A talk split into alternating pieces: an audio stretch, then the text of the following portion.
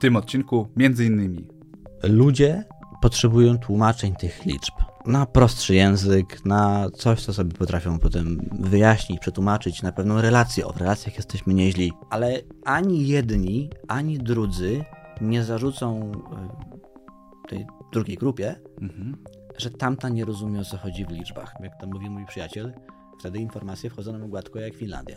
Zamierzam pójść krok dalej. Polski nakład się skończył, ale zamierzam dotrzeć do wydawnictwa, zdobyć prawa autorskie i razem z moim przyjacielem nagrać audiobooka. Książka nazywa się Cześć, witaj w dziewiątym odcinku serii Nowoczesne Finanse Firmy. Z tej serii dowiesz się, jak rozwijać swoją firmę szybciej i bezpieczniej dzięki skutecznemu zarządzaniu finansami.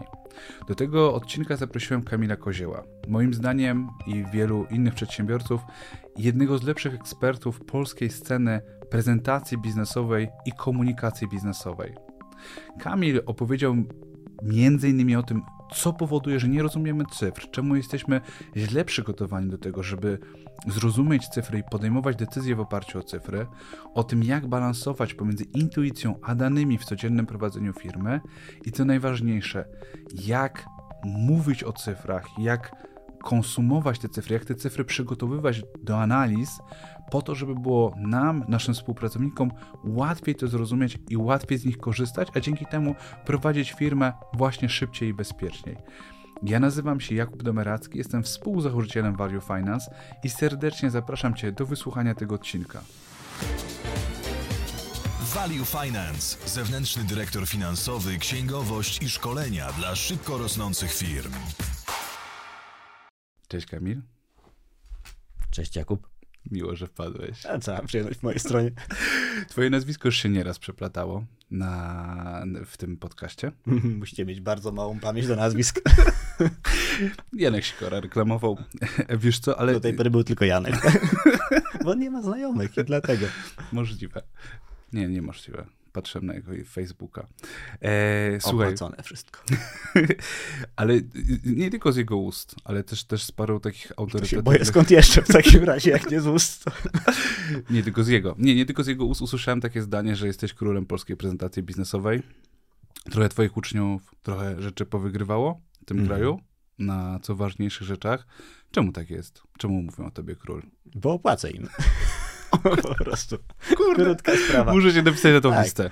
Po prostu dyszka. Tu, dyszka tam. Tak, duszka. Ile dyszka, ludzi duszka. wychowałeś? Huh, nie wiem, trudno powiedzieć. Ja dużo szkole.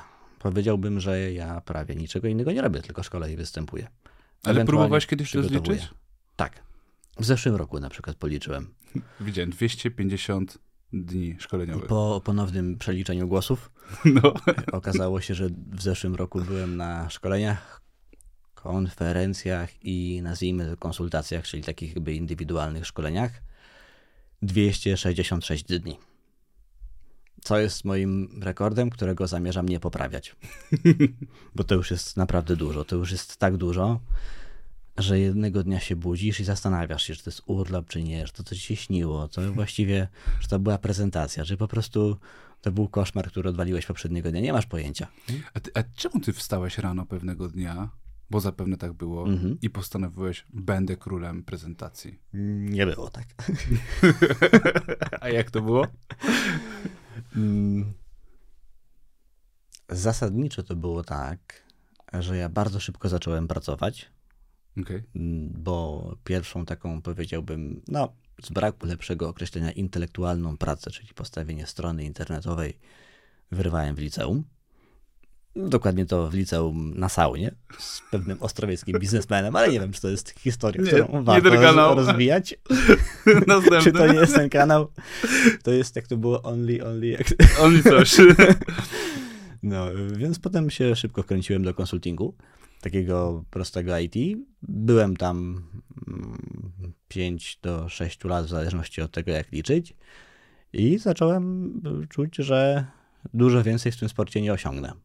No, jak masz 25 lat i myślisz, że dużo więcej w czymś nie osiągniesz, to myślisz sobie albo ok, dochodzisz do wniosku, że w sumie to już wystarcza, albo szukasz czegoś innego. No ja sobie zrobiłem taką krótką listę, co ja właściwie 25, 27, to chwilę trwało. To nie było tak, że jednego dnia się obudziłem, o co jutro będę robił.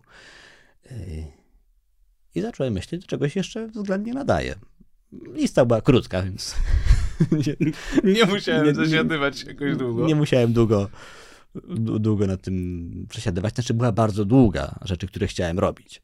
Ale na przykład uczestniczenie w rajdach samochodowych mogłoby się okazać kiepsko płatnym zawodem w moim przypadku, więc z rzeczy, które chcieli mi płacić. Pierwsze 15 lat jest ciężkich, później jak już wygrywasz w WRC, to zaczyna się spinać. może tak być, nie? tylko jakby te pierwsze 15 lat podobno to dość drogi sport. Tak.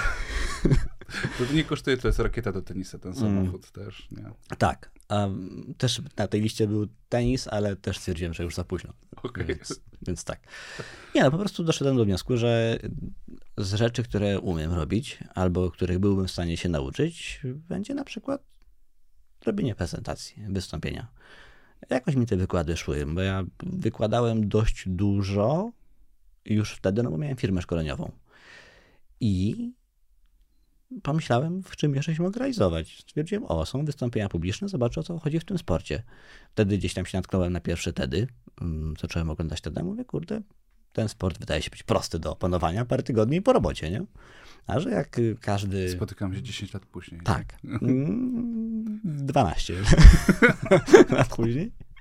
A wciąż mam wrażenie, że jestem trochę jak Andrzej Duda, nie? Nie ciągniemy. I że jednak ciągle się uczę, więc... Mm, chociaż nie wiem, czy tak szybko jak on, nieważne. No, więc zacząłem się po prostu tego uczyć, zacząłem szukać, a jako, że większość z nas, tak pewnie ty i ja, charakteryzujemy się nadmierną pewnością siebie, no pomyślałem, za długo mi pewnie nie zejdzie. Wtedy to się w ogóle charakteryzowałem nie też nadmierną pewnością siebie, właściwie to byłem chodzącą nadmierną pewnością siebie. Niekoniecznie miało takie kolej poparcie w faktach, ale nie przekazało mi to po prostu sięgać po kolejne zlecenia. No i tak 3-4 lata później od decyzji, kiedy stwierdziłem, zajmę się wystąpieniami, zacząłem, zacząłem widzieć pierwsze schematy, struktury i tak dalej. Wtedy się właśnie dowiedziałem, że nie mogę zajmować się wystąpieniami. Czyli Bo? wtedy dowiedziałem się, że mm, moja wada wymowy, wciąż jeszcze słyszalna, a na nagraniach z 2012 roku właściwie tylko słychać te, te wadę wymowy. Pomyślałem, kurde, kto się tym zajmuje? O, no to pójdę do mm, logopedy. I mój logopeda okazał się być śmieszkiem. Mówi, mam dla pana dwie wiadomości. Ja no to najpierw to dobrą. Obie są złe. Okej. Okay. Mm. Zdiagnozowaliśmy, co panu jest. Mówię, o, to chyba dobrze. Nie. Mm, pana leczenie będzie trwało nie wiemy ile. O, to może być długo. Nie wiemy, czy się uda. no i tak y, wtedy stwierdziłem, to spróbujmy. Zdjąłem aparat, czekaj, to był 2013 rok. Aparat zdjąłem w zeszły piątek. Uwaga, tylko po to, żeby móc go niedługo ponownie założyć. Wow. Także moja taka, powiedziałbym, transformacja niczym Komburczaka w Dragon Ballu, że pozwolę sobie na insiderski tekst. Oglądałeś Dragon Balla? Fatalnie. Mm, więc ta moja transformacja, niczym Vipera z czerwonego na srebrny w serialu z lat 90. oglądałeś? Ja pierdolę. w ogóle nie mogę się do niczego odnieść. No więc ta moja transformacja, transformacja. niczym maski, niczym maski, kojarzysz tego gościa, co zakładał ten tak. Wreszcie. Było, siadło. No. W moim przypadku będzie trwała jakieś 15 lat, więc jestem już na ostatnie 3 latka mi zostały. Więcej. Pięknie. Nieźle, nie? Mm, żre. No. Y, I jak się zastanawiasz, dlaczego nie postanowiłem zostać królem polskiej sceny prezentacji, no to między innymi dlatego, że jak ci mówią po trzech latach walki, czy po czterech latach walki, coś do tego nie nadajesz, no to nie zakładasz wygranej. Ludzie no. miękkiej wiary. Tak. No dobra, ale nie, nie namówię cię na to, żebyś, żebyś jakkolwiek w cyfrach. A dobra, a. Mm, a jesteś w stanie chociaż w głowie zliczyć takie wystąpienia, które trenowałeś, na przykład wygrały I Love Marketing, podobno najtrudniejszą scenę prezentacyjną mm -hmm. w Polsce? Zawsze mnie bawi, jak ktoś myśli podobno najtrudniejszą. Najtrudniejszą. No w ogóle, bo... bo tak, bo w ogóle jest wiele osób, które protestuje. Ostatnio ta, gdzieś tam mm, Powtórzyłeś to ostatnio parę Może razy. bez nazwiska, ale jedna pani, której wystąpienia są, powiedziałbym, no takie okej, okay, ale to nie jest Mistrzostwo Polski. w jednym z podcastów, czy pod nagraniem z jednego podcastu skomentowała, że ta scena jest co najwyżej przeciętna na warunki polskie i tak dalej, podczas kiedy jej wystąpienia się nawet nie zakwalifikowały do, do, wiesz, do przedsionka. wszyscy tak, którzy... Tak. Okej, okay, dobra. Czy jestem w stanie zliczyć te osoby? No. Y, po pierwsze, nie chciałbym sobie przypisywać zasług ludzi, którzy wygrywają, nawet jeżeli jakoś pomagają im w wystąpieniach. Mhm. To jest super istotna kwestia, bo moja rola w tym sporcie jest mniejsza niż selekcjonera reprezentacji w piłce nożnej. Znaczy ta podobno jest duża, ale generalnie na koniec dnia to jednak zawodnicy grają. Moja rola jest mniejsza niż, mm, niż trenera w tenisa. Generalnie to jest tak, że ja mogę wszystko ułożyć, ale na koniec dnia to ty wychodzisz przed stado drapieżników i to ty sobie musisz z tym sadem poradzić. I niekoniecznie będzie tak, że nawet jak narysujesz przepiękny plan, to ktoś go wyegzekwuje. Więc y, ta wygrana, czyjakolwiek by to nie była wygrana, jest bardziej tych ludzi niż moja, nawet jeżeli spędziłem nad tym, nie wiem, kilkadziesiąt godzin. Więc pracowałem, nie wiem, to jest kilka osób, które tam, które się przewinęły. Czekaj. Mm. Tak zupełnie uczciwie, to z dwiema osobami pracowałem długo. O. Ale to wciąż jest dużo bardziej ich robota niż moja. Dużo bardziej, nie wiem. Okay. To jest tak trochę jak powiedziałbym. Wydaje mi się, że nie przebije się przez Twoją skromność, mm. bo ja sam jestem w stanie naliczyć 10 osób, które powiedziały, że, że szkolenie z Kamilem no, ale... przesunęło mnie epokowo, ale dobra. Może tak, może tak, ale to no. dalej są ci ludzie, którzy tam na koniec wygrali. Powiedział tak, zawartość mm, tego, powiedziałbym, mnie w tych ich wygranych jest mniej więcej taka jak zawartość alkoholu w piwie. Mhm. Czyli wciąż jest istotna, bo jak wiemy, jest niewiele gorszych tortur niż piwo bezalkoholowe, tak? Więc jest to jakaś tam wartość, ale nie jest to wartość, powiedziałbym, nie, no jest niezbędna, dobra, okej, okay. piwo bezalkoholowe, umówmy się, nie bądźmy potworami, ale to tak. dalej jest ich robota. No. Dobra, powiedz mi, e, i na bazie tego doświadczenia są takie trzy ja tylko jeszcze uzupełnię, tak. zanim przejdziemy do kolejnych rzeczy, bo to w ogóle ta rozmowa będzie pełna dygresja, nie potrafię inaczej. Mm. Jest sporo osób, które trenowałem, na pewno, w tym mhm. sporcie. Ale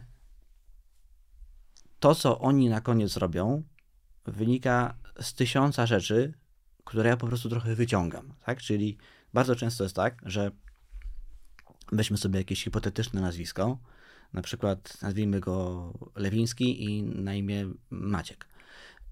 I ten pan jest rewelacyjny sam z siebie, mu trzeba tylko po prostu wskazać, ej, tego nie używasz, tego nie używasz, tego nie używasz, tego nie używasz, weź to po prostu sklej.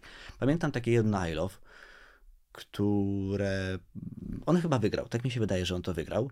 Ja z nim przegrałem. Nie pamiętam, czy byłem drugi wtedy, czy mnie po prostu zdegradował jakoś niżej, bo on występował po mnie, ale to wyglądało tak, że ja poszedłem na jego szkolenie z Analyticsa, bo po prostu chciałem się czegoś tam dowiedzieć w tym temacie i uważam, że trzeba sięgać poza dziedziny, którymi się zajmujesz.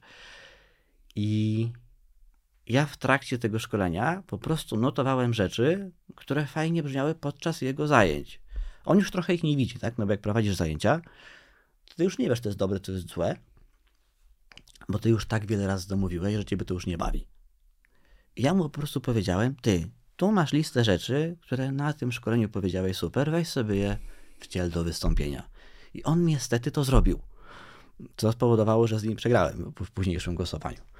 Ale chcę tylko pokazać przez ten przykład, że moja rola w dużej mierze to jest taki trochę detektyw, nie? że szukasz sobie rzeczy, które da się wstawić, niektóre da się podrasować, wyciągnąć i tak dalej, ale to nie do końca jest tak, że na przykład ktoś przyjdzie, kto kompletnie nie ma pojęcia, trzy tygodnie przed wystąpieniem i zrobimy z niego, mm, no powiedziałbym, La Ferrari. Jesteśmy w stanie zrobić ze zwykłego Golfa Golfa GTI. Ale ta transformacja trochę trwa. No, więc tak okay. tylko chciałem powiedzieć, że ci ludzie sporo, mm, no dalej jednak jest spoko przejść ze zwykłego Golfa do Golfa GTI, ale to nie jest tak, że On oni nic nie zrobili. z tego, że dobrze skręca. No prawda, ale wciąż ma napęd naprzód. Mm, nowe GT chyba ma 4 na 4 Chyba nie. ale nie, Nie? będę się kłócił. RK ma napęd na 4, 4 na Prawda. 4 a GTI wydaje mi się, że jest naprzód. Może tak być. E, dobra. I ja zaprosiłem cię, bo chciałem z tobą porozmawiać w ogóle o tym, jak mówić o liczbach, bo to jest, e, to jest duże wyzwanie. Ale zanim zejdziemy do tego tematu, ja chciałem w ogóle porozmawiać z tobą o tym, jaka jest twoja perspektywa na opieranie decyzji na danych versus na przykład na intuicji. Czy masz jakąś taką swoją refleksję w tym obszarze? Zastanawiałeś się kiedyś nad tym problemem? Albo mam podejrzenie po oczach, że zastanawiałeś. Tak. Kiedy uważasz, że lepiej jest pójść w intuicję, albo w takie. Albo kie- kiedy dane wygrywają, a kiedy na przykład mogą zawieść? Mhm. Obawiam się, Mhm. nie chcę psuć koncepcji twojego wywiadu tutaj, że odpowiedź na to pytanie jest dość złożona, a ja mogę jedynie dostarczyć pewnej, pewnego uproszczenia. Tak, mam, mam taką refleksję, zapraszając gości po kolei, że tak jest. Dlatego też chcę pokazać z różnych stron tą Mhm. sprawę, żeby słuchacz, słuchaczka, nie, żeby, że, że, wiesz co, te, też mam taką refleksję. Uważam, że w ogóle to jest temat, który nie jest zgłębiony, a w przypadku prowadzenia biznesu zrozumienie tego tematu jest dosyć ważne, bo to jest jeden z twoich podejmowanie decyzji to jest codzienność biznesu. Musisz Mhm. podejmować decyzje, inaczej nie, tam, tam nie ma opcji stop raczej. Nie ma też, rzad, bardzo rzadko jest opcja cofnij. No jest y, na przykład opcja stop w przypadku um, Urus, y, y, Ursusa. Co prawda Ursusa już nie ma, nie? ale jest taka możliwość. Jak to ktoś, ładnie ktoś kto to powiedział, że nie trzeba się zmieniać, przetrwanie nie jest obowiązkowe. Więc nie trzeba podejmować decyzji. No tak, w sensie, jeżeli, je- jeżeli failure is an option, Tak, to tak. jest.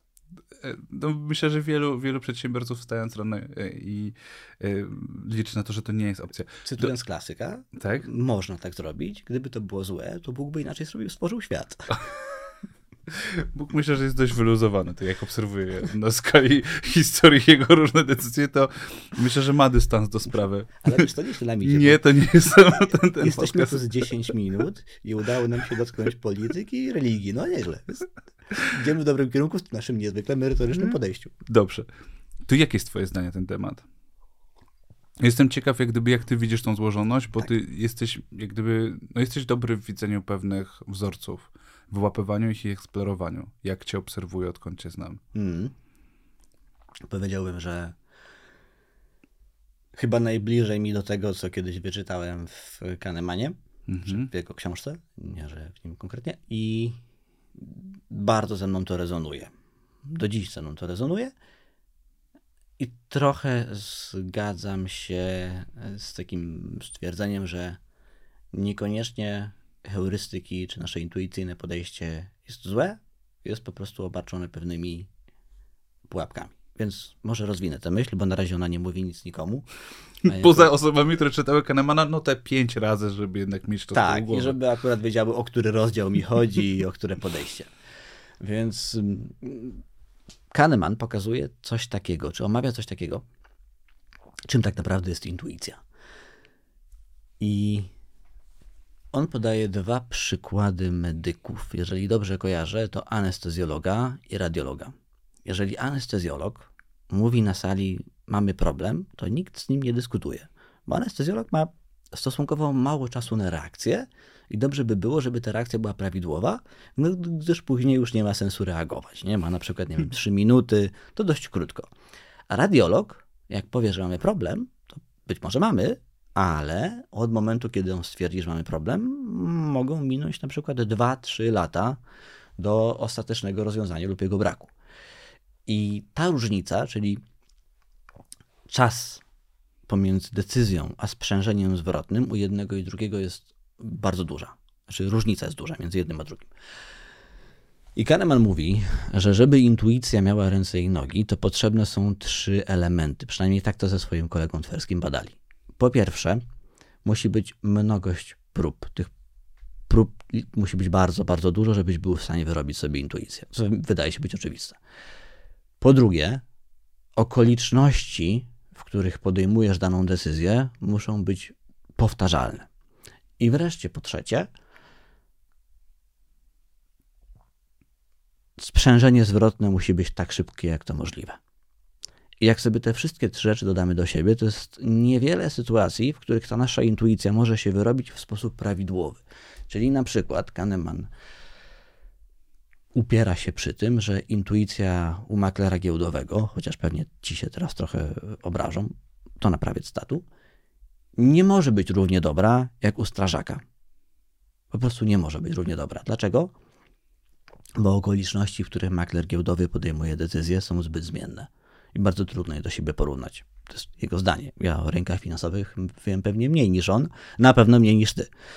Myślę, że ty byłbyś w stanie tutaj powiedzieć trochę więcej w tym temacie, czy, jest, y, czy te okoliczności są powtarzalne, czy nie. Zgadzam się, bo w ogóle w ekonomii używamy takiego stwierdzenia, że mm, patrząc na niektóre kryzysy i na prawa niemierzące, rządzące, mhm. tak myślę w 2008 roku The Economist ukuł termin, że opierając się w obecnym kryzysie na naszych historycznych logikach, mamy bardzo, e, czy ba, najlepszą analogią do wytłumaczenia sensu tego, co robimy, jest prowadzenie samochodu patrząc w tylnie lusterko. Mhm. Jak gdyby to, jak gdyby zmienność y, wydarzeń, w których jak gdyby mhm. Tych sił rynkowych, w których podejmujemy nowe decyzje, jest ogromna, na mhm. rynkach finansowych w szczególności.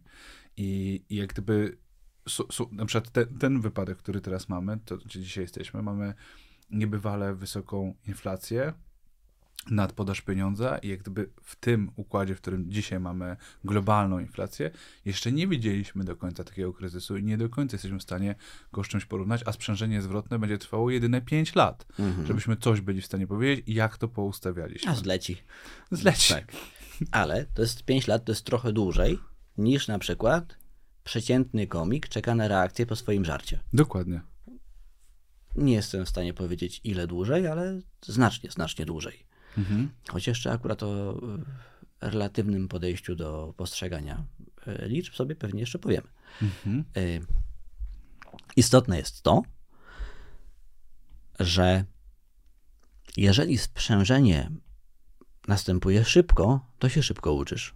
A jak nie, to po drodze mogło się pojawić mnóstwo innych elementów, mnóstwo innych zmiennych wyjaśniających, co tak naprawdę mogło na to wpłynąć. Ja niestety jestem po ekonometrii, więc rozumiem, co to jest zmienna objaśniana i zmienna objaśniająca, czy też wyjaśniana i wyjaśniająca, w zależności od tłumaczenia.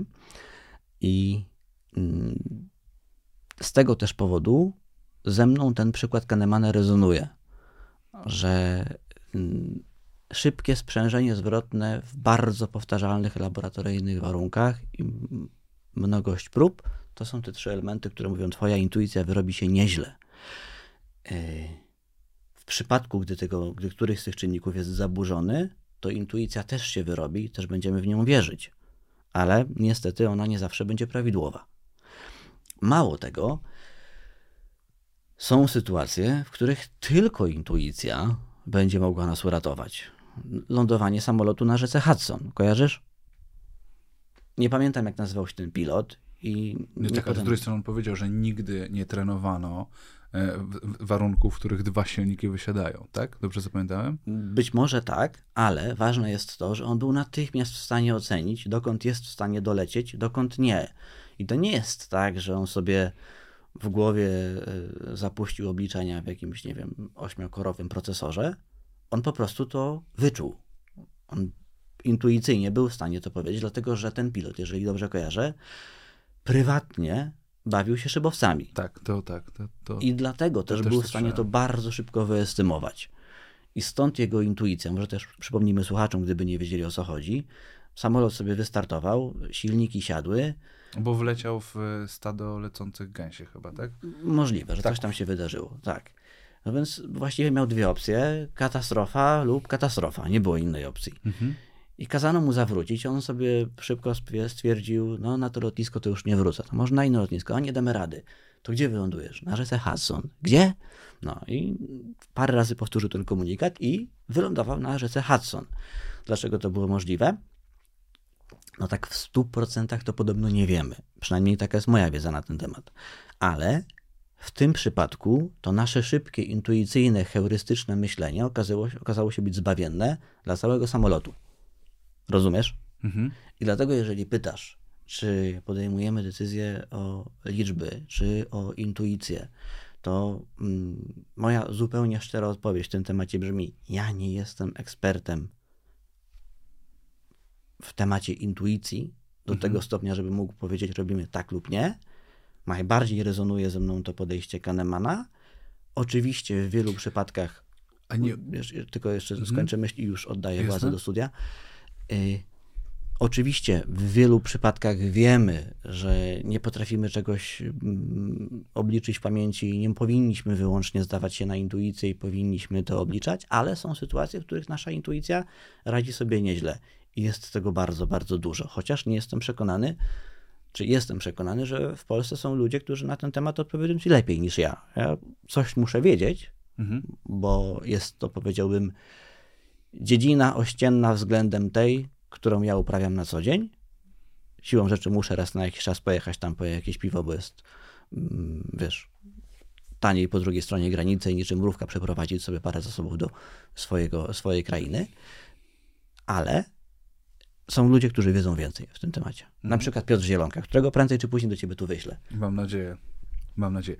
Ale chciałem pog- pogłębić trochę zrozumienie. Wiem, że to nie będzie może najprostszy fragment y, tej rozmowy dla, dla odbiorcy, ale czy nie masz takiego wrażenia, że e, Kahneman i jego rozumienie intuicji jest trochę regresyjnym modelem, em, regresyjnym w rozumieniu modelu regresji, trochę, które gdzie po prostu ma, masz dalej tą zmienną wyjaśnianą i, i zmienną wyjaśniającą i w pewien sposób budujesz model w swojej głowie po Tak. prostu. Ja trochę w, kontekście intuicji prywatnie odnoszę intuicję do obszaru decyzji w przestrzeni mm, decyzji podejmowanych w świecie wysokiej niepewności. I wtedy wydaje mi się, że wchodzą jeszcze inne O, parametry. na pewno. Ale w kontekście tego, co mówisz, a contrario, albo nie a contrario, chciałem cię zapytać właśnie, dobra, a to jaka jest taka, jaka jest two, jaką sobie, jakie sobie zdanie wyrobiłeś na, o decyzjach opartych o dane? To jest za szerokie pytanie, panie redaktorze. Dobra? Czy, Zasadniczo- czy uważasz, że fundamentalnie w codzienności biznesowej są jakieś przesłanki, które mówią o tym, że decyzje oparte o dane są lepsze? Myślę, że tak. Dlaczego? Dlatego, że ludzki gatunek jest średni w liczbach. Podam ci pewien przykład. Nawet tobie, tak? Czyli ty jesteś, wiesz, urodzoną, urodzoną liczbą lub przynajmniej dość szybko wykształconą. Większość ludzi nie ogarnia liczb. Mało tego, większość ludzi powie, że ogarnia liczby, podczas gdy tak naprawdę tak nie jest. Całkiem niedawno czytałem ciekawą książkę w tym temacie. Chipa, Hifa i Carly, oczywiście zapomniałem jak nazywa się mm, współaktorka. pamiętasz? Tak. Making Numbers Count. Tak chyba brzmi tytuł oryginalny. A ona jest przetłumaczona na polski język, tak? Jest, tak, jest, jest. teraz popularna w Empiku. Dowiedziałem się o tym, jak już przeczytałem po e, angielsku, że jest też po polsku, więc ja ogólnie Mogłeś być ten tydzień do przodu, nie? tak, ja ogólnie jestem mistrzem organizacji. W sensie bardzo często dowiaduję, że rzeczy są w prostszej wersji, kiedy już je zrobię i to jest jedna z nich. Ale autorzy tej książki mówią, że jest taki fenomen, że ludzie ogólnie nie zostali wykształceni do tego, żeby rozumieć liczby jako ich pierwszy język. Jeden, dwa, trzy, pięć. Rozumiemy całkiem nieźle. Potrafimy sobie to wyobrazić. Jak sobie siedzimy w tym pięknym studiu i jak patrzę za ciebie, to jestem w stanie od razu stwierdzić, że liczba tych wygłuszaczy to trzy. Spojrzę i widzę, że trzy. Ale gdyby było ich dziesięć, to rzutem oka bym tego nie ogarnął. Musiałbym sobie to pogrupować. Rozumiesz, nie? Damy tu potem jakąś przebitkę, ludzie będą wiedzieli o co chodzi z tymi wygłuszaczami. Dobrze. Mm, Bo jak patrzymy na coś, co jest w trójkach, to od razu to ogarniamy. A teraz sp- spróbuj spojrzeć tu, na te listewki, to się pewnie jakoś nazywa.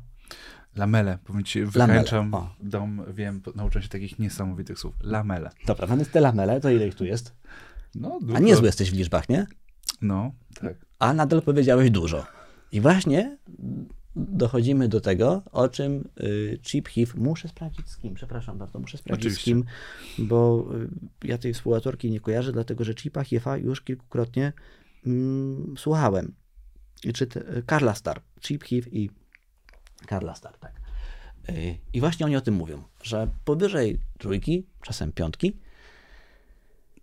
to już jest dużo.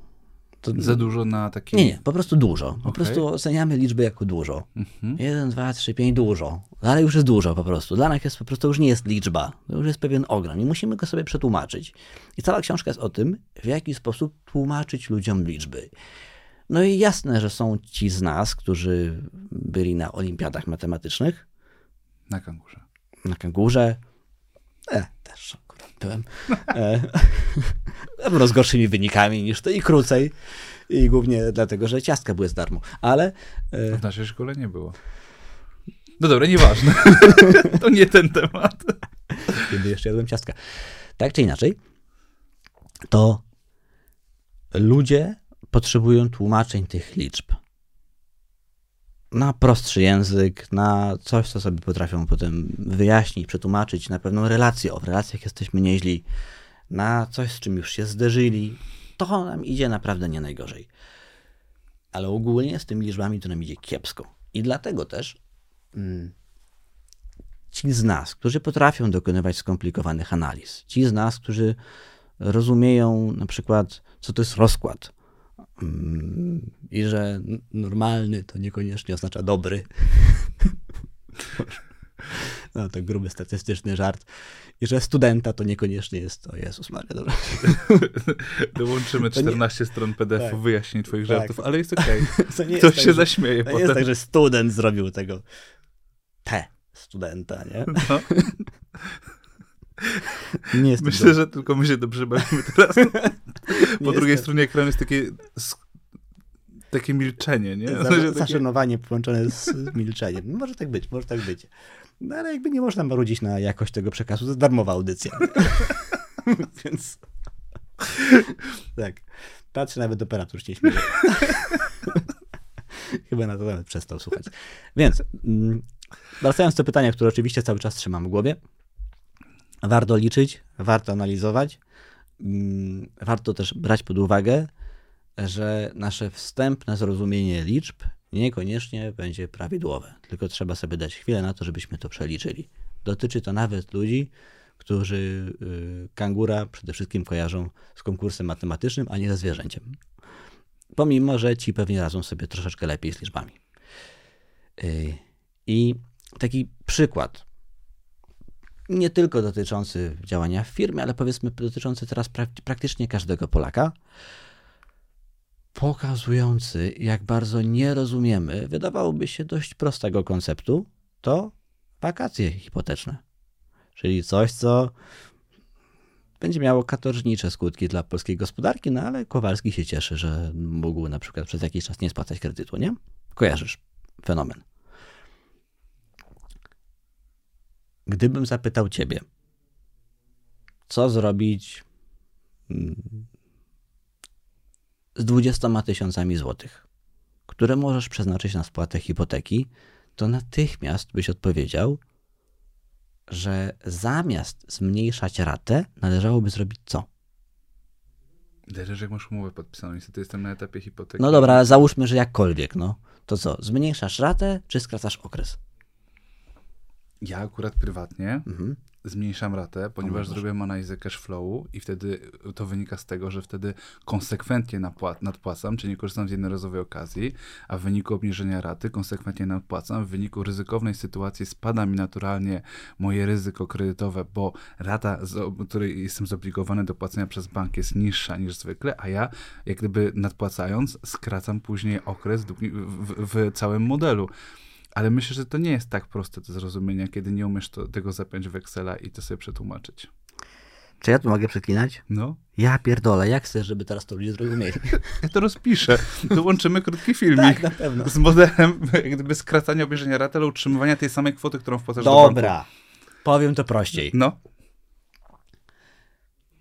Skracasz Jestem czas. szczęśliwym posiadaczem kredytu hipotecznego, który wiąże się również z iluzją posiadania mieszkania. Załóżmy, że do niedawna estymowany czas spłaty mojego kredytu wynosił 25 lat. No, ale jeszcze całkowity koszt wynosił pewnie dwu, ponad dwukrotno, czy Tak. dwa i pół raza to, co tak. było na początku. Na tym moim rachunku było 500 tysięcy do spłaty. Czyli no jak nie wygrasz w milionerach, to te 25 lat cię czeka jak nic. Nie? mm, niczym na Rasławickiej, czy gdzieś tam. Tylko podobno w bardziej komfortowych warunkach, ale drożej, no. Więc te 500 tysięcy, tyle miałem spłacać. I jak się okazało, gdy nadpłaciłem 120 tysięcy, Mhm. to z 25 lat zostało mi Pewnie z- z 11. 11. Tak. Nawet nie za mało. Bo to, no, no, tylko trzeba to zrozumieć na wykresie model, Mhm. model spłacenia raty kapitałowej i raty odsetkowej.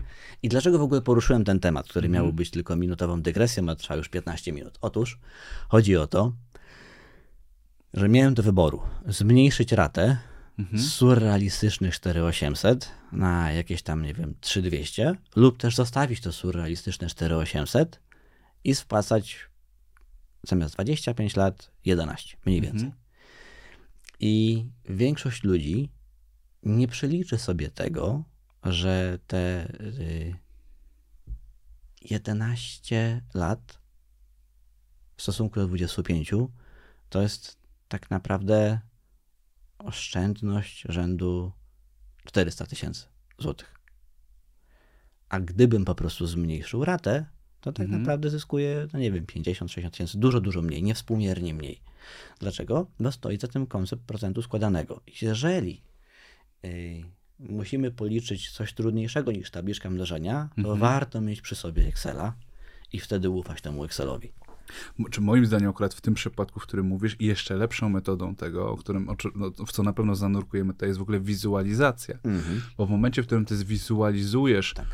udział e, raty procentowej i kapitałowej w racie, to Mhm. Tak. to uderza cię w oczy tak, że nie idzie tego nie zauważyć. Znaczy, Zwłaszcza jak i- zrobisz dwa różne kolory najlepiej, Tak. a nie jasno-szary i ciemno-szary. Znaczy w tym przypadku czasem można nie zauważyć mm, części Tego, że- kapitałowej. Tego, że spłacasz kredyt.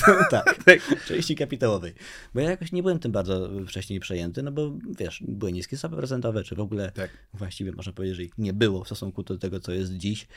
I jednego dnia zobaczyłem, że u mnie coś się zmieniło na koncie. I patrzę, że z 2200 zrobiło się 4800. Mówię, co tu się wydarzyło? Mówię, dobra, no to przynajmniej więcej kapitału. A nie. I wyobraź sobie, że z tych 4800 kapitału zjeżdżało mi Tyle samo, co wcześniej. 470 zł. To już, już p- p- chyba w szóstym roku byłeś płacenia I kredytu. ja zobaczyłem, jak to, jak, jak to zobaczyłem, a przypominam, że skończyłem informatykę i ekonometrię, czyli parę razy Coś liczyłem. składałem- Liczyłem, tak. Stwierdziłem, nie no, kurwa, nie bywałem. Więc ja wtedy stwierdziłem, nadpłacamy to gówno. I chodzi mi o to, kończąc tę jakże krótką dygresję, że w pewnych kwestiach musimy mieć przy sobie Excela, chyba że jesteśmy z męsy. A nawet jak jesteśmy, to warto sprawdzić, czy wszystko idzie zgodnie z tym, co, co, co nam się wydaje. I wtedy po prostu liczymy. W wielu kwestiach, przy PNL-u, w liczeniu cash flow i tak dalej. Wszędzie tam warto mieć Excela i warto to brać pod uwagę. War, warto liczyć, warto estymować, warto wizualizować, ale y, nie należy depresjonować, depresjonować roli intuicji, po prostu. Mhm. Mm, Bo ona w niektórych przypadkach będzie dla nas mm, no, po prostu zbawienna. Jak każde to w odcinku z Darkiem Dumą, e, który, który się uka ukazał ostatnio, mm, właśnie o tym rozmawialiśmy, o w ogóle koncepcji cnoty filozoficznej, że to jest takie zjawisko, że jesteś pośrodku różnych wartości. Więc jak gdyby coraz bardziej jak gdyby maluje się z tych wywiadów taka rola intuicji i danych idących hand by hand, czy jak gdyby po prostu za rękę obok siebie. Ale czy ty, zostało ci w głowie jeszcze parę przykładów, ja dobrze nazywam to błędy poznawcze, tego się od ciebie uczyłem na, na szkoleniu. To są błędy poznawcze, to co się wydarza w naszej głowie, kiedy my się mylimy, prawda? Czasami jest to również brak edukacji, ale O, dobra, ale czy zostało ci, ci z tej książki jeszcze, jeszcze kilka takich faktów, em, dlaczego ludzie tak, tak są źle przygotowani do rozumienia cyfr? mm, tak, myślę, że mm, kilka jeszcze Bo to jest- zostało, ale to nie do końca Dla całej tej tylko serii błędy. to jest ważne, wiesz? W sensie Tak. to wytłumaczenie tego. Ale wiesz co, błędy poznawcze to jest tylko jakiś tam wyrywek tego Okej. wszystkiego. Bardziej chodzi o to, że my lepiej rozumiemy storytelling niż liczby. Zwłaszcza duże Opowiesz swój obłędny przykład o storytellingu? Skąd on się wziął? Mm, skąd się wziął y, Tak. przykład z- z storytelling? A, Jak, tak, już powstał storytelling? A, no bardzo proste. Czy ja, mnie akurat tam nie było, nie? to było jakiś czas temu, ale powiedzmy 60 tysięcy lat temu no, wódz gromadził plemię i przy ognisku się pytał, siema stado, czy widzicie między nami Piotrka? No nie ma. No właśnie, Piotrka pożarł tygrys, proszę od jutra unikać tygrysów. Czyli okej, że tak powinno być. I, i, tak to było, że Słyszałem wersję twoją jeszcze tego. Proszę unikać dużych, pasiastych istot wybiegających ze krzaków. To ktoś mi ukradł ten przykład, bo tak nie do ciebie. To też nie? mówiłeś? Tak. Tak? Bo ja byłem dwa razy na tym samym szkoleniu, bo znasz, że sobie wytrwale. Tak. Właśnie. I to, że byłeś dwa razy na tym samym szkoleniu, świadczy o tym, że po pierwsze, źle wydajesz pieniądze. A po drugie, że ludziom bardzo często nie przeszkadza powtarzanie tego samego materiału, do czego później jeszcze wrócimy. Tak tylko też chciałbym zakotwiczyć Dobrze. mm, myśl a propos wystąpień publicznych. Heurystyki, y, błędy, przykłady i dlaczego się mylimy, tak? Dlaczego się mylimy? To jest, temat jest bardzo, bardzo szeroki. Mało tego. Ja im dłużej siedzę w tym sporcie, tym więcej mam w sobie pokory. Że im, Wobec? Wobec tego, ile rozumiemy w tym temacie. W rozumieniu temacie Tego, rozumienia gdzie, świata. Tak, gdzie się mylimy, gdzie się nie mylimy, jak podejmujemy decyzje i tak dalej. Czyli Czyli, jeżeli mogę to sparafrazować, tak. im więcej, bo ty eksplorujesz ten temat mocno, rozumienia rzeczy. Czyli im więcej studiujesz temat rozumienia rzeczy, tym masz Mhm. poczucie, że ludzie mniej rzeczy rozumieją. tym tak. Tak. W Tym bardziej- dużym uproszczeniu. Tak. Tym bardziej mam wrażenie, że jest mnóstwo niuansów, mnóstwo nowości i że my oczywiście chcemy dojść do jakiegoś uniwersalnego zrozumienia świata dość szybko, ale potem się okazuje, że jest jakiś nowy naukowiec, który mówi, a to jest trochę inaczej niż myśleliście. Że mm, jeżeli Arieli powie, Dan Arieli, jeden z pewnie bardziej znanych Potęga Ekonom- tak, ekonomistów irracjonalnych, a także pewnie z 30 innych książek. Yy, On powie, która decyzja jest racjonalna, która nie, i my przytakniemy mu, patrząc na to, w jaki sposób dzisiaj rozumiemy racjonalność czy nieracjonalność, to to nie oznacza, że tak będzie po wsze czasy. To znaczy, że zaraz może się pojawić jakiś inny naukowiec, którego pracę doktorską we wstępnej wersji niedawno widziałem, Mhm. i może się okazać, że nie, nie, nie. Nie do końca jest tak, że coś jest racjonalne czy nieracjonalne. Mogą być jeszcze inne zmienne wyjaśniające, których Arieli nie zauważył. I za chwilę może się pojawić jeszcze inny naukowiec, który mm, no też zobaczył coś, czego tamten nie widział i tak dalej. Więc ja mam sobie z dnia na dzień, mam wrażenie, coraz więcej pokory.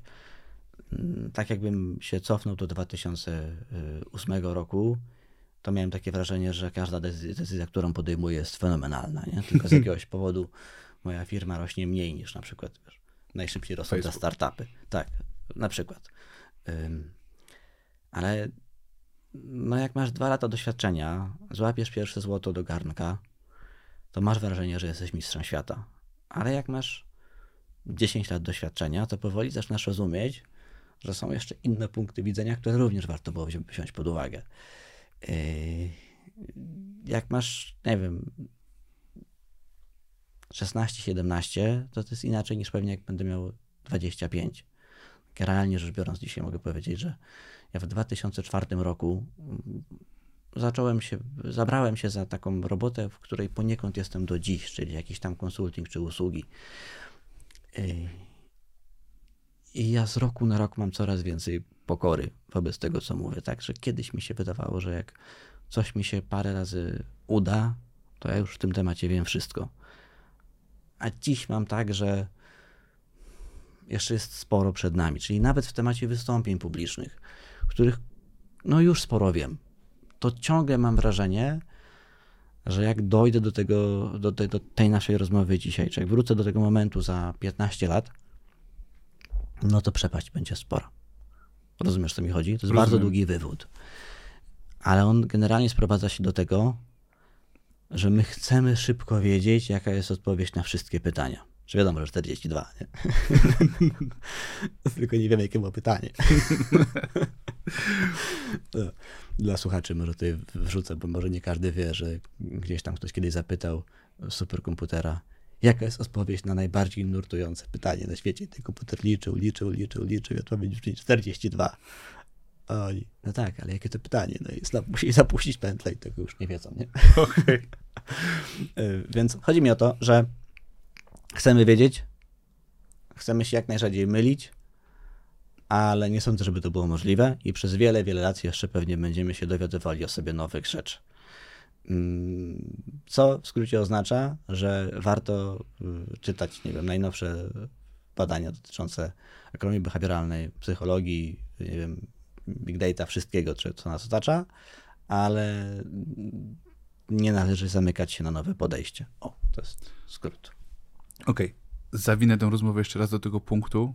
Co ci jeszcze zostało w głowie tego popełniania błędów, e, tej niezdolności czytania cyfr? Czy jest Mhm. jeszcze coś, co masz to takie... Mnóstwo tego jest. Pierwsza kwestia mm, to jest ten koncept tłumaczeń, który y, Karla chyba i y, Dan Chip, albo ten drugi Chip, y, jeden z braci Heath, Chip chyba, Chip Heath, Dan Darleyka, nieważne.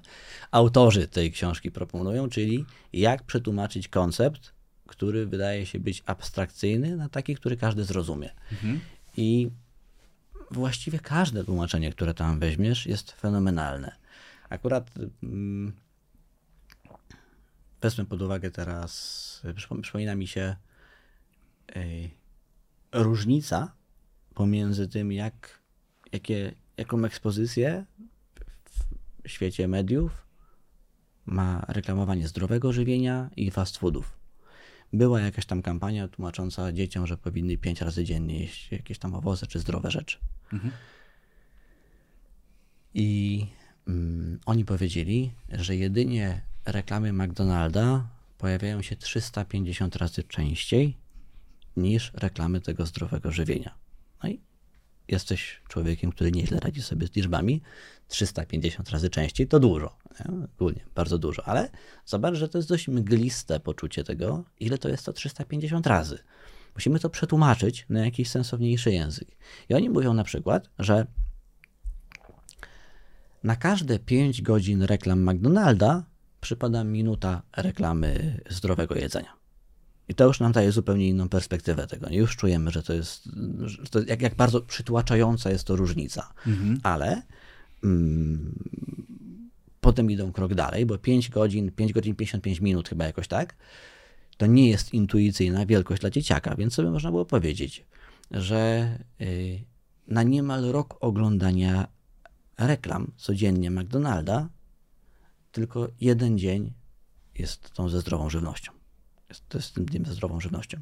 I to pokazuje, w jaki sposób tłumaczenie tych liczb, jeszcze nie tak bardzo skomplikowanych, bo to jest raptem ratio 350 do 1.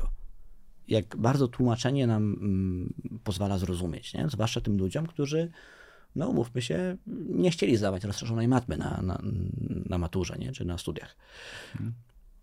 Więc to jest jeden z przykładów. Sprowadzenie do zrozumiałych jednostkach. My jesteśmy dobrzy w czymś, czego już doświadczyliśmy. Czyli mm, dlatego ja ci próbowałem nie- nieudolnie, jak widać, na początku pokazać, jak długo trwała ta transformacja. Szukałem jakiegoś tam, wiesz... yy, Punkt jakiegoś odniesienia, przykładu. który Tak. będzie w mojej głowie Tak. takim, który mi to Więc zwizualizuje. wyobraź sobie, że ten bohater maski te drewno zakłada przez 12 lat. I to jest to, widzisz? To jest jakby próba zwizualizowania e, tego samego zjawiska. Mm, Jesteśmy dobrzy w porównywaniu rzeczy do siebie. Jak stoją obok siebie, to to widać. Jesteśmy y, dobrzy w tym, żeby zrozumieć konkretne wielkości. Znowu, fenomenalny przykład. I ten już ze mną chyba zostaje na, na, na zawsze. Ile jest wody pitnej na świecie? W liczbach to by było tak, że jakieś 97% całej wody na świecie to jest woda słona. Część, tam chyba 2,5 czy 3, czy niecałe 3%, to jest woda potencjalnie pitna, tyle że ona jest zamknięta w lodowcach. A jakiś bardzo niewielki fragment z tych lodowców to jest ta woda faktycznie uzdatniona do picia, którą możemy pić. I mm, to jest chyba tam łącznie 25 setnych chyba y, całej wody na świecie, procenta, to, to jest chyba 25 setnych procenta całej wody na świecie, to jest woda pitna. I teraz tak, ten koncept jest przedziwny. Tak. Nie? W sensie 25% to, jest woda pitna. Ale co by trzeba było zrobić, żeby ona była lepiej zrozumiała dla wszystkich? No, można by na przykład było w ogóle zrezygnować z liczb. I Karla i Chip mówią coś takiego. Wyobraź sobie duży taki. Mm, ga, Oni to chyba porównują tak, do butelki wody. Tak, 4-litrowy pojemnik na wodę. W tym 4-litrowym pojemniku na wodę jest wyłącznie woda słona. Pływają w nim trzy kosteczki lodu, a woda pitna to jest tylko to, co skrapla się z tego lodu. Widzisz? I zapamiętasz na całe życie. W sensie mhm. jest to oczywiście, powiedziałbym, mniej dokładne. Znaczy jest to mniej dokładne niż wyliczenia matematyczne, ale każdy będzie w stanie ci ten koncept powtórzyć. Rozumiesz? Dobra, czyli, czyli parafrazując to, bo też chciałbym, żeby właśnie, żeby z każdego naszego, no, każdej naszej rozmowy wynikały takie lekcje. Mhm. To jest pierwsza lekcja, którą możemy od siebie wynieść, czyli pokazywanie cyfr w kontekście tak. i tłumaczenie ich na kontekst. I to jest rzecz, która powoduje, że ludziom łatwiej jest te cyfry rozumieć. Jeżeli chcesz jako dyrektor finansowy albo komunikując w firmie jakieś cyfry spowodować, że ludzie łatwiej to zrozumieją, mhm. użyj tego, co ty właśnie powiedziałeś, czyli albo to zamień na jakieś jednostki, które będą wytłumaczalne, typu ilość tirów, albo na przykład tak. taki e, przykład, który słyszałem od ciebie, e, mm, jak gdyby ilu, ilu, ile, ile to, jest, to jest tam chyba 30 tysięcy handlowców i że to jest tyle, co by wypełniło stadion. Mm. Tak? tak? Mniej więcej tak. Zależy Właśnie. jeszcze jaki stadion. Nie? Że gdybyś, chciał, przykład, jak, jak gdybyś chciał zrobić dla nich urodziny, musiałbyś tak. wynająć stadion i to ci jak gdyby daje obraz tego, ilu to jest ludzi zebranych w jednym miejscu. Konkret, kontekst, tak, konkret. I odniesienie się do czegoś, co jest w stanie znaleźć tę rzecz, no bo mhm. też pewnie kulturowo, będąc w innym ośrodku kulturowym, musisz to odnieść do czegoś innego. Mhm. Nawet jak gdyby rozmawiając z lekarzami, inaczej tłumaczysz niż będąc mhm. spotkaniu z pływakami, tak. bo jeżeli jesteś w stanie jakkolwiek złapać ich wszechświat, mhm. to im będzie to w ich świecie pływania i wody łatwiej zrozumieć, tak samo jak lekarzom, dentystom mhm. i w ogóle. Tak, zresztą wiesz co, z takich rzeczy powiedziałbym bardziej przyziemnych, czy rzeczy, które widać w biznesie, to zobacz, że kiedy ktoś ma, załóżmy, nie, nie musi być to duży biznes, ale powiedzmy 200 tysięcy kosztów miesięcznie. Mhm. I jednego dnia tam wiem, okazuje się, że te koszty wynoszą 195 tysięcy, bo no nie wiem, na czymś przeoszczędzono. To ta różnica nie wydaje się tak bardzo duża, nie? No ale 5 tysięcy, no to jest y, Lenovo Yoga, nie? To jest jakby mhm. zupełnie co innego, jeżeli sobie e, zwizualizujesz za pomocą jednego konkretu, jakiegoś tam, jeżeli powiesz, nadasz temu twarz, nawet nie twarz, to konkret, możesz, możesz to zamienić w obraz roczny, czyli to jest w rok kupisz mhm. sobie dobry używany samochód. Na przykład, tak, więc ważne jest to, co do kogo trafia, jak ten konkret łatwo jest zrozumieć. Konkret dużo łatwiej zrozumieć niż ogół. Czyli dużo łatwiej zobaczyć labradora niż psa. Mhm. Widzisz to, nie? Że to zupełnie ten sam obraz, ale jednak inny. Jak ci powiem najpierw labrador, a potem pies, to, to będzie to samo. Ale jak powiem najpierw pies, a potem labrador, to niekoniecznie. To jest jak jak Samowi bardzo mi się podobało te takie mm, porównanie, którego używasz, że inaczej odbiorca czyta historię, kiedy mówisz o małym, beżowym labradorze, który biegł na pasy. Tak. Albo mówisz o psie na pasach. Tak, tak. To, to, to jest super intuicyjne. Konkrety odbieramy trochę inaczej niż y, ogół. Więc konkret, kontekst, mm, dopasowanie tego y, przykładu do odbiorców. Także próba pokazania liczb w takim kontekście, który oni rozumieją. Znowu przykład z tej z książki, który mi przychodzi do głowy, to jest jak wysoki jest największy wulkan na Marsie. No i oni próbują to wytłumaczyć, to nie pamiętam tej wielkości w tym momencie, widzisz, całkiem to, to czytałem, a nie pamiętam. Wydaje mi się, że to było około 20 mm, tysięcy metrów wysokości. Mogę się mylić, ale około, około tego 20 tysięcy metrów wysokości. No i to jest absurdalna wielkość, nie? Absurdalna. No to jest 2,5 razy Mount Everest. Tak. I właśnie to, co ludziom przychodzi do głowy, to przetłumaczymy to na Mount Everest. Mhm. I to pokazuje, jakie to jest gargantuiczne, ok? No ale stary, ile razy byłeś na Mount Everestie? Ja na przykład ostatnio się nie bierałem, nie? w sensie ostatnim roku w ogóle. Głównie w audiobooku. Tak. Tam chodzę. Więc ja, no na przykład ostatnie 10 lat ani razu nie, nie byłem na Monteverestie. I większość ludzi też nie było, więc teoretycznie wiedzą, że to wysoko, ale hmm. trudno im jest sobie wyobrazić, jak bardzo. Więc co robią autorzy tej książki? Próbują znaleźć jakąś inną wielkość, czy też wysokość, której słuchacz mógł doświadczyć. I mówią im, że gdybyś leciał samolotem z Włoch do Anglii i trafił na tę górę, to uderzyłbyś w środek. 11 tysięcy metrów to jest wysokość przelotowa, 10-11 tysięcy. Mhm. I to ci pokazuje już, jak absurdalnie wysoko jest, e, wysoki jest ten wulkan. Widzisz to? Mhm. Więc w tym przypadku porównanie do lotu samolotem jest wysokości przelotowej samolotu jest lepsze niż do wysokości Everestu, no chyba, że będziesz mówił do Himalajistów. No to tam ci skumają bardziej. No ale pod warunkiem, że akurat mm, no nie mówisz do klubu wysokogórskiego, wysokogórskiego w Zakopanem. Tak, zdobywcy ośmiotysięczników, tak? pewnie tak. nawet Zakopanem jest trochę niżej, no to wtedy trzeba byłoby znaleźć coś, co ludzie mogli doświadczyć i do tego się odnieść.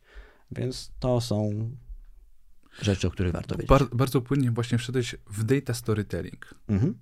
O, co znaczy to, to, to, stwierdzenie, twoim zdaniem? Albo tak właśnie po ludzku. Data storytelling, jakbyś miał powiedzieć. Opowiada tak, data storytelling, czyli opowiadanie o problemach i możliwościach z wykorzystaniem liczb.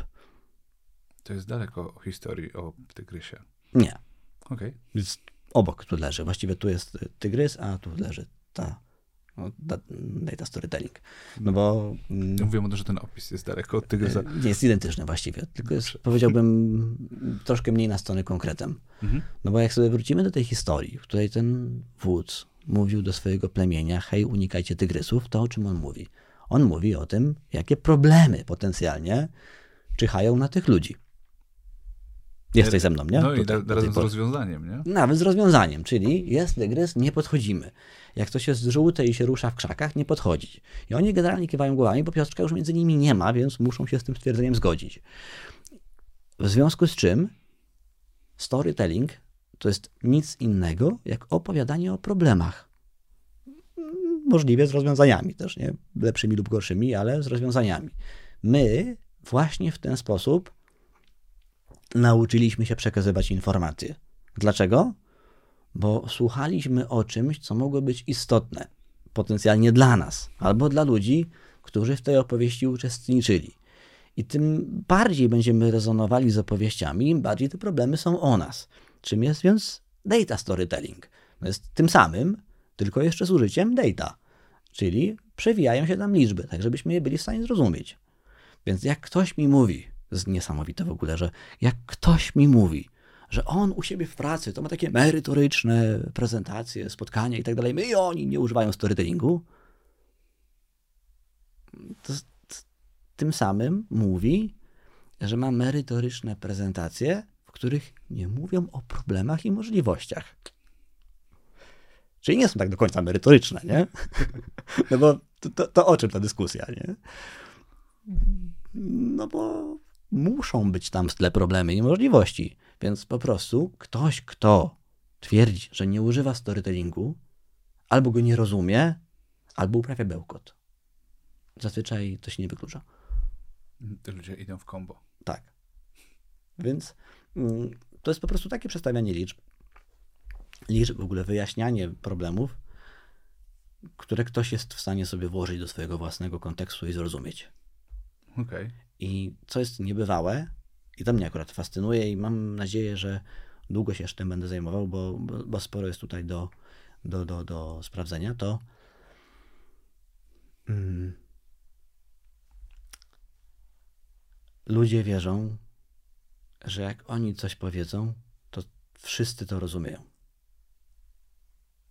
Czyli jak ja ci coś tłumaczę, co ja właśnie zrozumiałem, i ja ci to tłumaczę po raz pierwszy, to ty powiesz, aha, okej. Okay i że ty masz taki fantastyczny Masz rację, tak skaner. zrobię. Tak.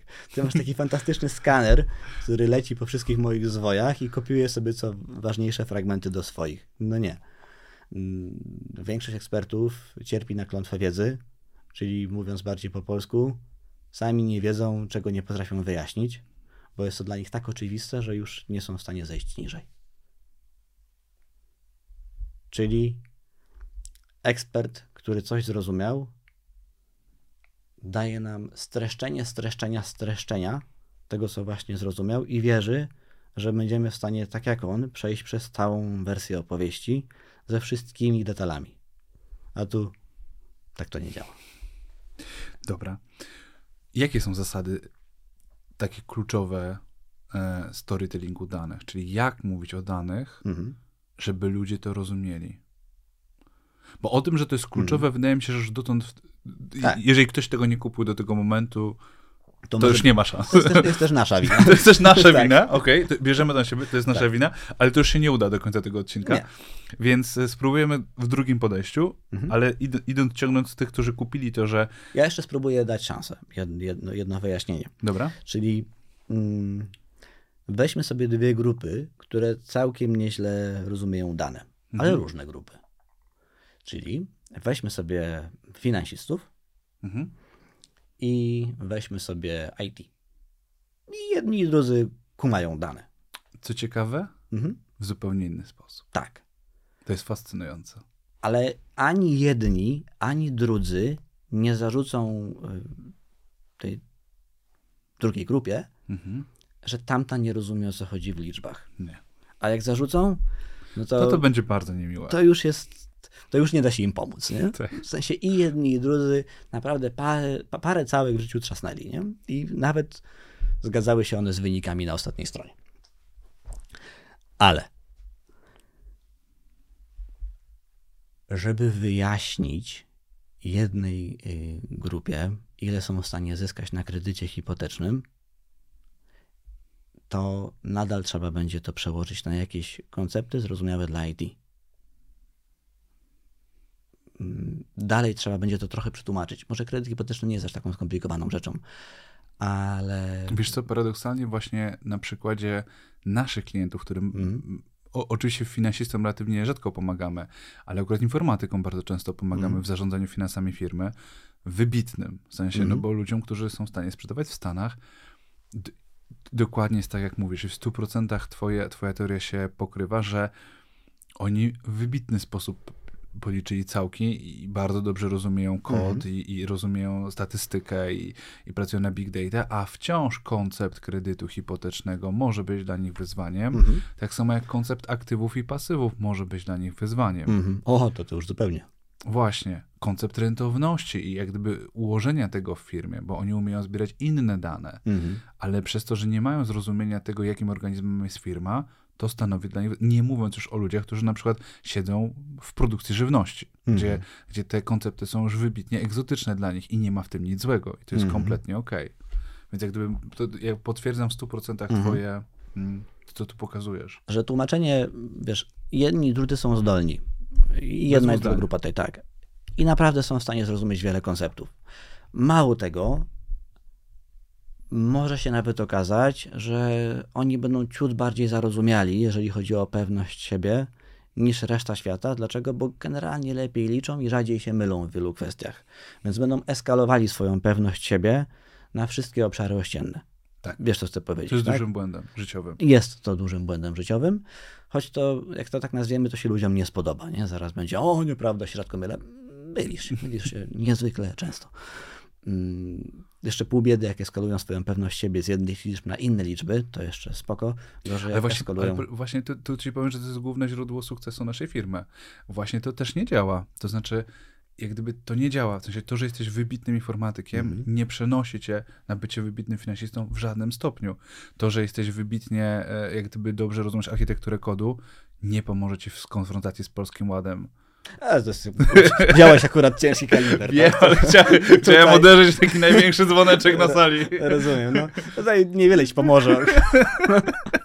Może Ale- Poza przeprowadzką, nie no, ale tutaj to niekoniecznie. Ale tak. Natomiast no, pół biedy, jak jeszcze z liczb na liczby, nie gorzej Mhm. jak z liczb na psychologię, to już się tam dzieją. Na przykład, na komunikację, nie? Tak. I, więc mm, pytanie brzmiało o, zas- o zasady?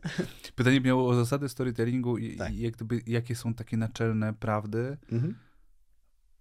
tu się kłania taki termin, który bardzo uważam, że jest piękny, jak się go wytłumaczę, którego się od ciebie nauczyłem. Łatwość poznawcza, Mhm.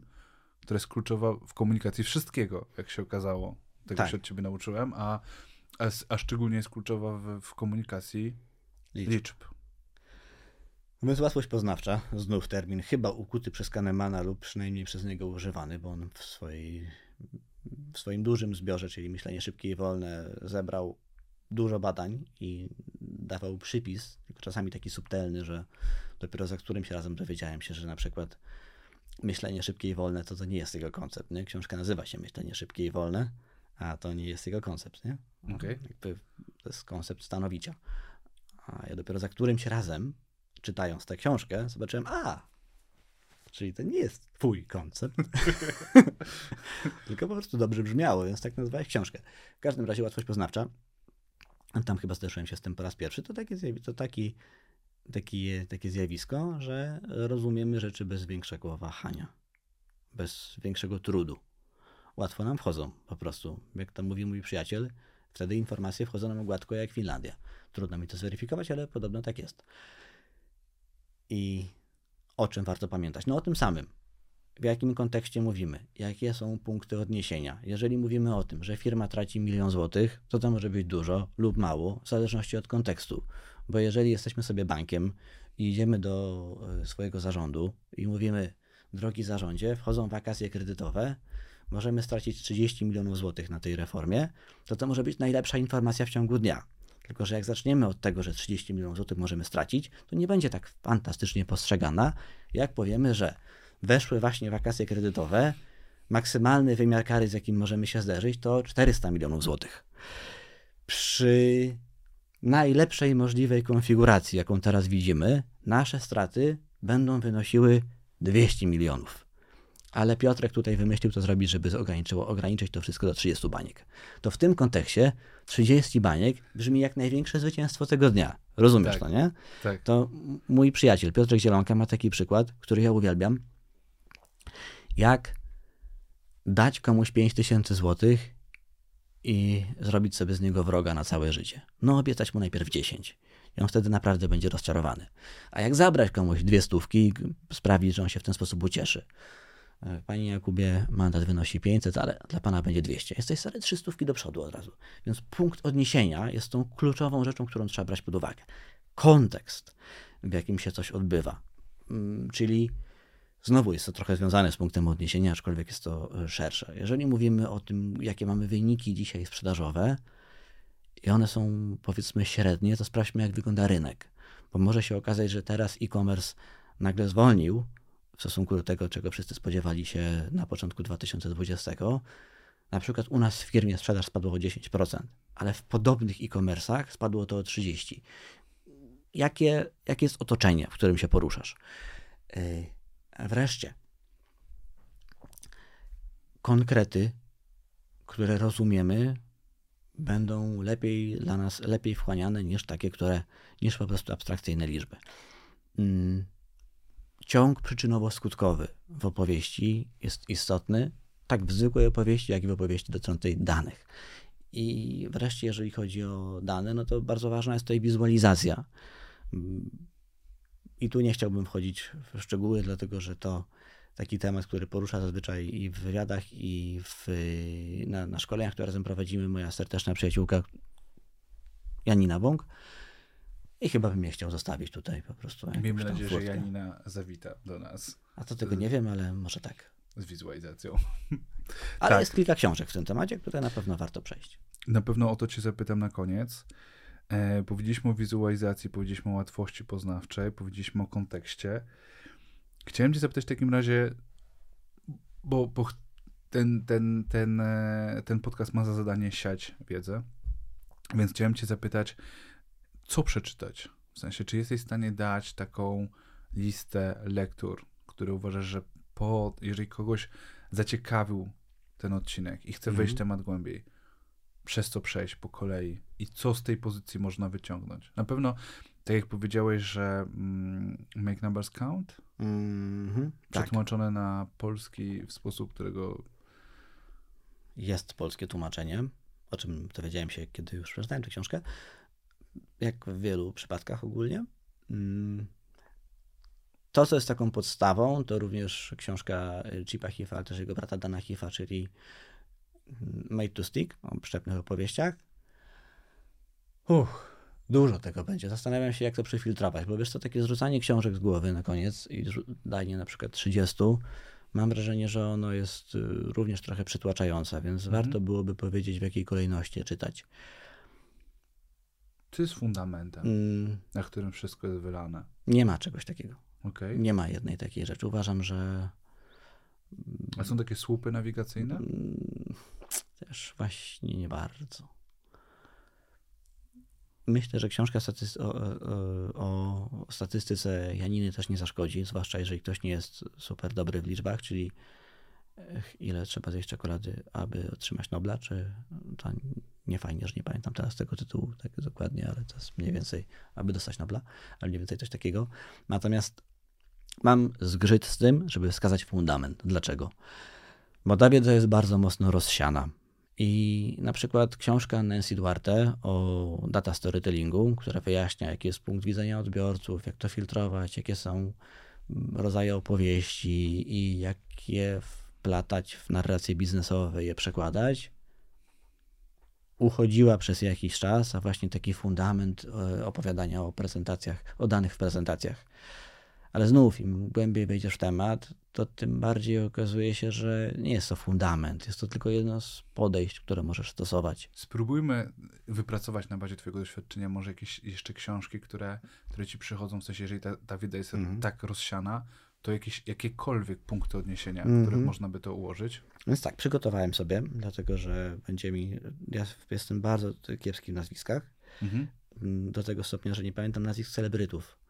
Wręcz pamiętam taką e, sytuację, że dawno temu organizowaliśmy e, roast Kuby Wojewódzkiego, jak jeszcze byłem w Stand Up Polska. Stoimy sobie w kółku i tak gadamy, gadamy, ja tak w pewnym momencie a, a ty co tu robisz? No ja jestem Beata Tadleja, występuję. Więc do tego stopnia ja nie jestem mistrzem świata w nazwiskach i w twarzach. Mm, Kojarzysz Beatę Tadle? Ty też widzę, że jesteś geniuszem w tym temacie. Więc tak. mm, Książka, o której mówiliśmy, Chipa Hifa i Carly Star, Liczby się liczą. I to jest polski tytuł. Znowu bardzo dobra książka Data Story Nancy Duarte. Jej chyba nie ma po polsku. Mm, Nie ma po polsku, ale jest to książka, która agreguje wiele rzeczy. Na przykład uniwersalne narracje opracowane przez e, Kurta Vonneguta. Polecam w ogóle wszystko, co e, Kurt Vonnegut wypuścił, pomimo tego, że e, no, to jest ciekawa postać, czy była ciekawa postać, ale geniusz, autentycznie geniusz literacki, storytellingowy. Myślę, że kolejna książka o data storytellingu, bardzo podstawowa, niebywale nudna, czyli po prostu storytelling danych. Cole Nussbaumer Knaflik. Nigdy się tego nie nauczę, tak się pani nazywa. To jest taka surowa książka. Ona jest trochę, My jej używamy u nas w firmie. trochę zaprzeczeniem, jeżeli chodzi o formę tego, co próbuje narzucać, czyli w jaki sposób mówić o czymś ciekawie.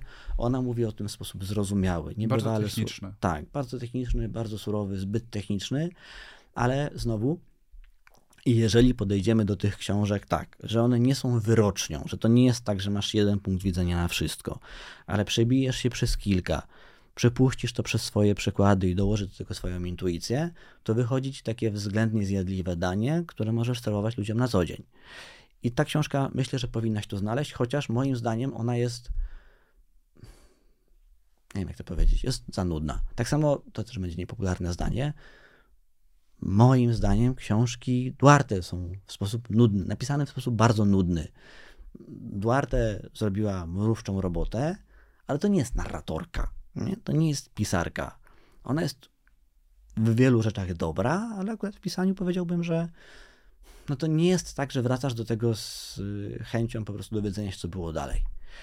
Ale jeżeli chodzi o książki, co do których chcesz wiedzieć, co było dalej i wracać do nich, to mam tu cały zbiór. Przebiję się przez tę listę. Mm.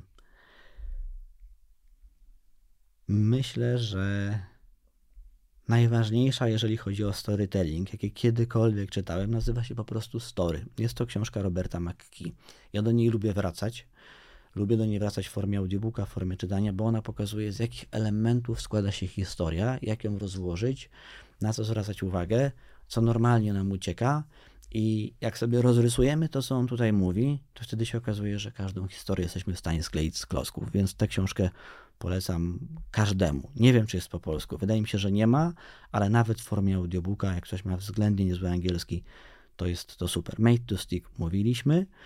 Mm, Przyczepne historie po przyczepne polsku. historie, tak? Noise. Noise Kahnemana dla ludzi wytrwałych. Jest to książka, przez którą jak ktoś się przebije, to wtedy y, zaczyna patrzeć na świat jako na smutniejszą rzecz. Ale zanim to, no to rozumiem, że pierwsza pozycja Kahnemana. Tak, Szybkie Pierwsza- myślenie. tak, no ale to już głupio wspominać. I Dollars and Cents, jeżeli chodzi o książki Arieliego, Arieli i y, Chrysler. Jeff Chrysler, tak się nazywa współautor. I chyba od tego bym zaczął. Natomiast wiesz, znowu to trochę dotyka tego, o czym mówiłem wcześniej. Trochę jakby tej pokory, czy może nie wiem, takiego większego, większej otwartości niż miałem kiedyś. Zamykanie się na jedno podejście w czymś, co zahac- zahacza o nauki społeczne, moim zdaniem nie jest dobre. Szukaniu Czy uniwersalnej uważasz, prawdy. ogóle, Że, że, że nau, nauki społeczne są na tyle miękkim, wrażliwym tematem. Czyli miękkim jest, nie chciałbym, żeby to było pejoratywne, na tyle wrażliwym i pełnym subtelności tematem, że musisz sobie zbudować pewien zasób, z którego w danej sytuacji, w kontekście, w którym się znajdujesz, wybierasz odpowiedni fragment? Tak, i z pewną dozą ostrożności. Dlaczego? Dlatego, że poszukujemy precyzyjnych, uniwersalnych, zawsze idealnych odpowiedzi. Hmm? To nie jest fizyka.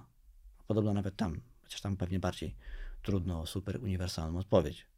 Mm, Jesteśmy trochę zbyt skomplikowani, żeby być w stanie nas zaklasyfikować w taki sposób, że, że wszystko zawsze wiadomo. Owszem, jest duża powtarzalność, mm, ale, ale to nie będzie tak, że to będą uniwersalne, prawidłowe odpowiedzi. Jest taki cytat, który ze mną bardzo dobrze, ba- bardzo mocno rezonuje. To jest cytat Rorego Sutherlanda, który nie chce spalić, ale, mm, ale on powiedział chyba, że it's better to be va- vaguely right than precisely wrong. To jest dokładnie to. Czy czym to jest lepsze, żeby być mniej więcej, żeby mieć mniej więcej rację, Tak, niż być dokładnie błędnym? Dokładnie tak. I to jest, i to jest dokładnie to, co, co dałoby się chyba wyciągnąć z tych wszystkich rzeczy, które, które wiemy na temat nauk społecznych. To też nie jest tak, że wiesz, ja jestem człowiekiem, który wie na ten temat wszystko. I tak jak mówię, z każdą książką, gdzieś tam prze- prze- przeczytanym badaniem, czy no, powiedziałbym, z każdym projektem, który y, robię, to coraz więcej jest we mnie tego, jakby to powiedzieć, tej pokory na błędy, tej przestrzeni na, na błędy. Ej, I coraz bardziej rozumiem, że trzeba je po prostu częściej akceptować. I coraz bardziej mam wrażenie, że ludzie, którzy dążą do takiego, wiesz, jednego rozwiązania, które zawsze działa i które jest sekretnym sosem, które pozwoli ci sprzedawać więcej, wydawać mniej i być szczęśliwszym, tym bliżej on jest skamu.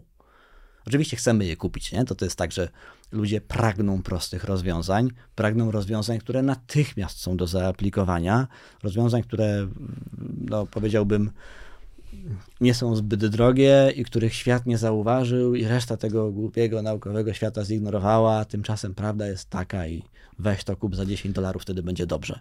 Właśnie, bo to było jedno z pytań, które miałem przygotowane dla, No. dla dzisiaj. Dlaczego tak jest? Bo ty jesteś wojownikiem i walczysz o to, żeby ludzie, którzy mają merytoryczną wiedzę i którzy naprawdę coś poważnie sprawdzili, zaczęli dobrze występować Tak. i żeby zaczęli wygrywać ze sprzedawcami tanich marzeń, którzy Tak. ze sceny wygrywają. Totalnie. Dlaczego tanie marzenia się sprzedają? Dlaczego tanie obietnice? Dlaczego taka jutro będziesz no, lepszy seks, więcej kasy, niższa hipoteka, jak gdy wszystko naraz i za jedyne 25 euro w subskrypcji miesięcznej. Czujesz, że to trochę skam?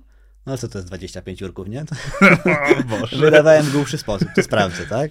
No ale Tak jak- czasem to jest 2000, nie? Jak gdyby im oni są lepszymi, to oni dochodzą tam, Tak. no to są wielomilionowe fortuny. Tak, tak, to nie? prawda. I to też pewnie nie jest tak, że zawsze się mylą, ale generalnie chodzi o to, że my chcemy natychmiastowych korzyści. I znowu jest wiele, wiele uzasadnień. Mhm. Moim zdaniem najbliższe tego wszystkiego jest hiperboliczne dyskontowanie w czasie. O, to piękny termin. No, hiperboliczne dyskontowanie w czasie. Domyślam się, co powiedziałeś, Mhm. stanie sobie to rozłożyć. Myślę, że Powiem to wolniej. znowu, żeby nie było tak, że tylko Tak. my się dobrze bawimy. Tak. Hiperboliczne. No. hiperboliczne dyskontowanie w czasie. Czyli po polsku chodzi o to, że jak ktoś ci zaoferuje 1000 zł dziś lub 1300 za rok, to niewiele osób będzie skłonnych czekać. Większość osób powie, dawaj tego tysiaka dziś.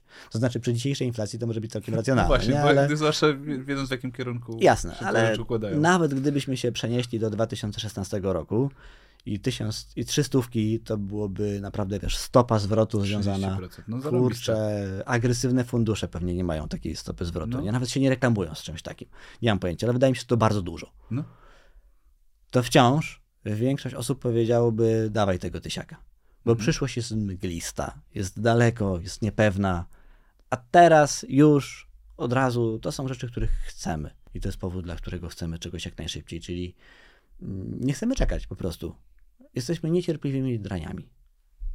I dlatego ludzie lubią tego typu rzeczy, lubią szybkie obietnice. Nie lubią wysiłku, nie lubią czekać. I nie lubią rzeczy trudnych. Więc jak ktoś się pyta na przykład, jaka jest ta jedna rzecz, którą trzeba zrobić, żeby zostać najlepszym człowiekiem od prezentacji, to wiesz, no fajnie by było powiedzieć to, to, to i to. 10 zł. O, zajebiście, kupuję. No tylko, że ja też ostatnio coraz częściej mówię, że sprzedać można wszystko, tylko się trzeba bardzo często przeprowadzać. Nie? I jakby tu jest problem, że proste rozwiązania rzadko kiedy istnieją. Proste, uniwersalne rozwiązania są częściej domeną skamerów niż ludzi, którzy chcą coś dostarczyć. No a te trudne rozwiązania są trudnymi rozwiązaniami, czyli ich nie chcemy. Czyli większość ludzi naprawdę potrafi zrobić dużo w życiu, tylko nie chce. Ja przeczytałem ostatnio książkę, którą mm, będę teraz polecał każdemu. Mało tego, zamierzam pójść krok dalej. Polski nakład się skończył, ale zamierzam dotrzeć do wydawnictwa, zdobyć prawa autorskie i razem z moim przyjacielem nagrać audiobooka. Książka nazywa się La Buena Suerte. Polski nakład, y, La Buena Suerte po hiszpańsku pewnie mniej osób kuma niż po angielsku. Polskiej wersji, y, tłumaczenie polskie to Szczęście czy Fart, ale oryginał to La Buena Suerte to hiszpańska książka. I to jest książka, która jest światowym bestsellerem. Pewnie nie, słysza, nie słyszałeś o niej, nie? W Polsce słyszałeś? Wiesz co, no, y, pachnie mi to Talebem, Nassimem Talebem. Nic z tego. Nic z tego, Nie. tak? Y, To jest bardzo nienaukowa książka. To jest książeczka, która w dwie godziny jesteś w stanie przeczytać. Ja ją po hiszpańsku zjadłem w dwie godziny, przypominając sobie język. No mimo, że zająć dłużej pewnie. Jeszcze raz? Mimo, że zająć dłużej większości osób po hiszpańsku. Pewnie wiem, le, lepiej trochę gadam po hiszpańsku niż średnio. y, y, niż Średni, mieszkaniec tego pięknego kraju. Tak, niż średni obywatel Polski, ale y, przeciętny obywatel Polski, ale tak czy inaczej, no to nie jest mój y, pierwszy język, no jest to mój drugi język, więc dwie godziny w obcym Ale języku. rozumiem, że to jest po Dobrze. polsku. I jest polskie tłumaczenie w niewielkim nakładzie, które jest mm, prawie niedostępne. Mhm. Czyli ta książka jest absolutnie białym krukiem. Jak sprawdzałem na Allegro ostatnio, ile trzeba zapłacić, to jakieś 2,5-3 stówki za taką książeczkę. Mhm. I jest to książka, którą będę rekomendował od dziś każdemu. Skąd ja ją w ogóle wytrzasnąłem? Polecił mi ją Jacek Magiera. Kojarzysz? Taki trener. e, trener e, Legii. Trener Legii, trener piłkarski, a w ogóle były trener, czy to obecny trener piłkarski. I on daje ją każdemu zawodnikowi. I Rozumiem, że mają pokserowaną.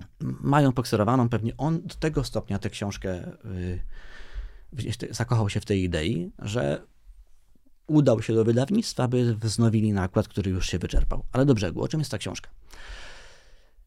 Ta książka mówi o tym, że w skrócie większość ludzi jest w stanie dużo osiągnąć, tylko mało kto chce. Ja wiem, że to jest uproszczenie, ja wiem, że są duże różnice społeczne i tak dalej. Absolutnie zgadzam się z tym. Ale w tej książce na początku spotyka się dwóch przyjaciół. Nie widzieli się 50 parę lat. Obaj są już po 60, spotykają się na ławce w parku. Jeden nazywa się Wiktor, drugi nazywa się Dawid. No i ten mm, Wiktor się pyta, Dawid, pyta Dawida, jak tam ci poszło w życiu. A Dawid mówi, że no, było to conjunto de desgracias, czyli tam, wiesz, w ogóle zestaw dramatów. O tak bym to przetłumaczył zgrabnie po polsku. Nie wiem, czy pamiętasz, jak mieliśmy 10 lat, mieszkaliśmy razem w tej samej wiosce, ale się musieliśmy szybko wyprowadzić. A to dlatego, że mój ojciec odziedziczył fo- fortunę i musieliśmy zmienić miejsce zamieszkania, żeby nas nie, osądzali po tym, co dostaliśmy i tak dalej. Odziedziczył również fabrykę torebek, czy tam jakichś innych tkanin i na początku szło nieźle, ojciec to prowadził, było super, nawet trochę rozwinął, potem ja przejąłem i całe, całe życie miałem pecha. Najpierw zaczęło się pojawiać coraz więcej konkurencji i klienci przestali doceniać naszą jakość.